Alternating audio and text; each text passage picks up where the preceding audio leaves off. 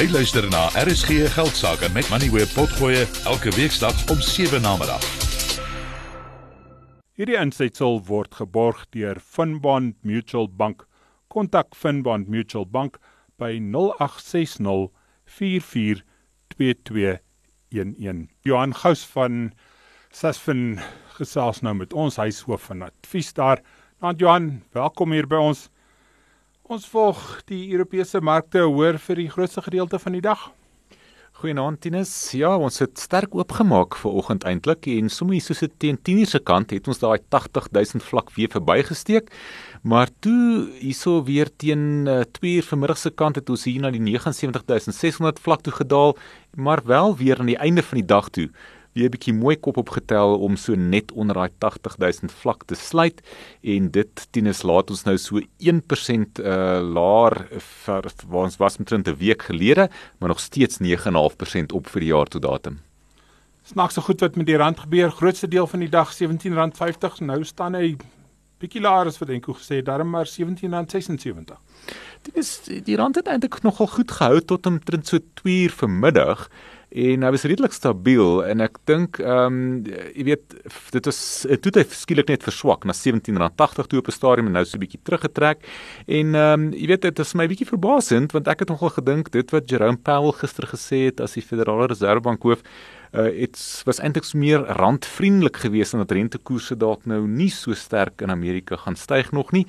Maar dit was nou nie so nie want want op die einde van die dag wat ons toe wel gesien het is die rand het nie net teen die dollar verswak nie, maar hy het ook met 1.2% teen die euro verswak en 1.5% teen die pond. So dit was definitief 'n geval van rand swakte vandag. As ons kyk na Suid-Afrikaanse maatskappye, Pick n Pay maak 'n aankondiging oor verkope vandag. Sê beerdkrag help nie baie nie. Daar is 'n stygings in verkope, ek dink 3,3% maar dit het nie beleggers beïndruk nie en die aandele het skerp teruggesak.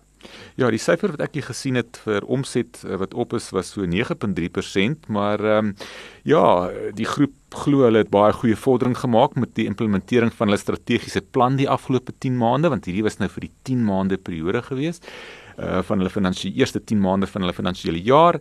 Uh Martinus het was maar beerdkrag wat die groot uitdaging vir Pick n Pay was soos dit ook is vir elke ander kleinhandelaar op hierdie stadium.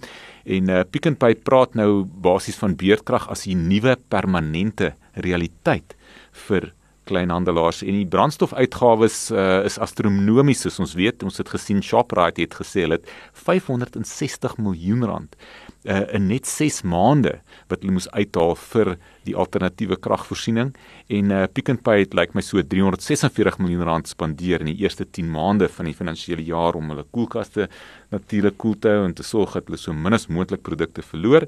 Uh, maar as ons vorentoe kyk, uh, is daar nog steeds ongelukkig die vooruitsigte van laer ekonomiese groei verwagtinge wat verdere druk op kleinhandelaars gaan plaas dienes. So teen die sluiting Op Donderdag 8 Desember het die Pick n Pay aandeel verhandel teen R63.81. Vandag sluit hy op R47.65.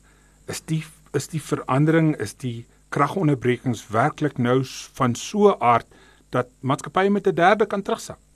Dit is moontlik. Kyk, kyk die syfers wat ek nou genoem het in terme van daai miljoene wat hulle moet uithaal en nou kyk jy vorentoe. So onthou die mark weer eens kyk nou en probeer bepaal. Ons weet nie presies wat gaan gebeur met hierdie kragkrisis wat ons het en hoeveel uh, miljoene daar nog uitgehaal gaan word hierdie jaar nie.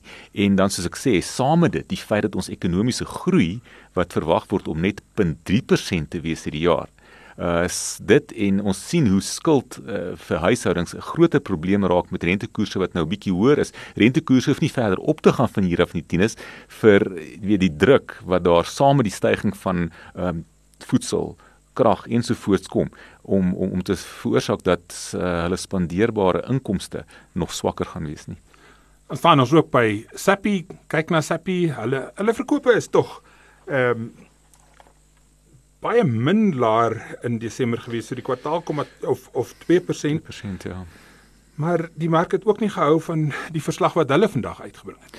Ja, dit is my baie interessant. Uh eh, Tinus, ek het eintlik gaan kyk, die syfers gesê die vir die kwartaal op kwartaal as dit nou vergelyk met die die, hulle eerste kwartaal vir hulle finansiële jaar is die laaste kwartaal van 'n kalenderjaar. So hulle het nou gesê omset was so 2% laer, maar tog sê hulle dat ehm um, die winste 54% hoër is en die skuld 35% laer, maar eh, mense moet nie te veel lees net in 3 maande se syfers nie.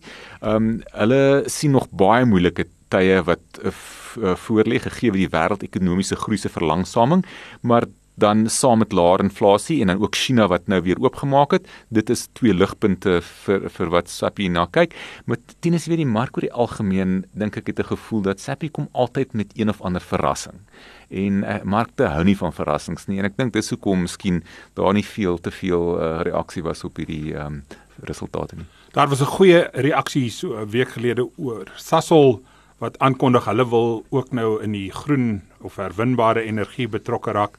En toe het hulle vandag ook 'n 'n 'n stelling gemaak op die beurs positief, baie geld hmm, gemaak ja. en en en dit is goed aanvaar. Ja, so dit is maar handelsopdatering gewees en hulle verwag dat hulle tweede helfte van 2022 uh behoort uh, baie goed te wees gegee dat daar 'n hoër hoër oliepryse was. Hulle marges was beter en dan ook as gevolg van die swakker rand. So die verwagting wat uh die bestuur aan die mark uitgestuur het teen is dat die hooflyn per verdienste per aandeel sal na verwagting so wat 95% beter wees as uh die tweede helfte van 2021 en die resultate sal dan op 21 Februarie bekend gemaak word. Naspers en Prosus styg ook weer vandag. Ja, wel, dit is maar die twee grootes wat 'n mens graag sal wil sien uh, styg. Ek neem aan dit was maar weer 10 sent bewegings gewees, uh, maar ehm um, ongelukkig ja, partykeer maak dit nie sin nie. Ek dink jy weet dit is nie altyd 'n korrelasie met met 10 sent nie, maar ek gaan nie omgee as as 10 sent uh, of of Prosus en Naspers opgaan, maak nie saak wat 10 sent doen nie. Ek dink 10 sent het begin het laat begin verhandel en effens teruggesak vanmiddag na op amper op die sluiting van ons markte. As ons dan nou kyk na Amerika waar Tencent verhandel word in in dollar, het die president daar Joe Biden vandag met sy verkiesingsveld tog begin en 'n paar ekonomiese stellings gemaak.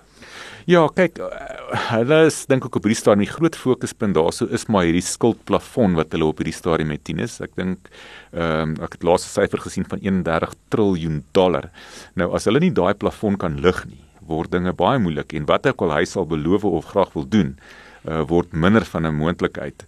Uh, hy is baie optimisties geweest, maar op die einde van die dag dien ons weet dit baie demokrate wil hom nie weer in die wedloop vir herverkiesing sien nie en baie van die republikeine is nie noodwendig baie positief oor hom nie. So ons sal moet sien um, hoe daai verkiesingsstryd uitspeel. Een van die goed wat vir my uitgestaan het wat hy gesê het is dat die republikeine saam met die demokrate moet werk om oplossings te vind en en die reaksie van die republikeine was nie baie goed daaroor gewees nie. Wel, ek dink ten minste die een voordeel, hulle het net twee partye wat daaroor iets moet saamstem. As ons kyk na die koalisies wat ons hier in Suid-Afrika gaan moet probeer maak werk, is die lewe baie meer kompleks. So hooplik kan die demokrate en die republikeine wel miskien bietjie saamwerk. Dan dalk net laasens Jerome Powell se aanmerkings gisteraand oor wat gesien is as positief vir 'n miskien 'n afplatting in in rentekoerse ek het dit gelees, ek het dit nie gesien nie en dit die mark het gestyg daar gisteraand, maar maar dis nie 'n blywende stygings nie. Vandag is die beurs laer. Dit was nie. Ek dink elke keer na die stellings gemaak word en dit was eintlik baie positief gewees aanvanklik maar dan begin die mark weer te dink oor presies wat gesê is. En ek dink die die feit is dat rentekoerse kan nog steeds redelik ehm um, sal nog steeds moontlik kan styg. Verder uh, as wat dalk moontlik verwag word uh, 'n week gelede. En ek dink spesifiek daardie werkloosheidssyfer van 3.4% na hoeveelheid werkgeleenthede wat geskep is wat laas Vrydag uitgekom het. Dit is die groot faktor gewees wat nog steeds in die agterkop van mense sit. Nou daar's weer 'n arbeidsverslag wat sal uitkom voor die Federale Reservebank hulle volgende rentekoers besluit moet neem en ek dink dit is die punt tienus dat wat ook al hier gaan gebeur in terme van rentekoerse gaan baie data afhanklik wees. Dankie Johan, Johan bly hier by ons om sy in sy te lewer op van die gesprekke of onderhoude wat ons net hierna hou. Die insetsel is geborg deur Finbond Mutual Bank. Kontak Finbond Mutual Bank by 0860 442211. Finbond Groepepark bied 'n gewaarborgde opbrengs op vaste termyn beleggings. Verdien 10.5% nominale rente per jaar op 'n 5-jaar termynbelegging van 1 miljoen rand of meer. Geen inisiasie of administrasie fooie word gehef nie en rente kan uitbetaal of gekapitaliseer word. Belastingvoordeel is gekoppel aan ouderdom. SMS radio na 30635 of e-pos deposito by finbond.co.za vir meer besonderhede. Finbond Groep Beperk, jou bondgenoot deur dik en dun. Jy het geluister na RSG Geldsaake met Money where potgoe elke weeksdag om 7 na middag.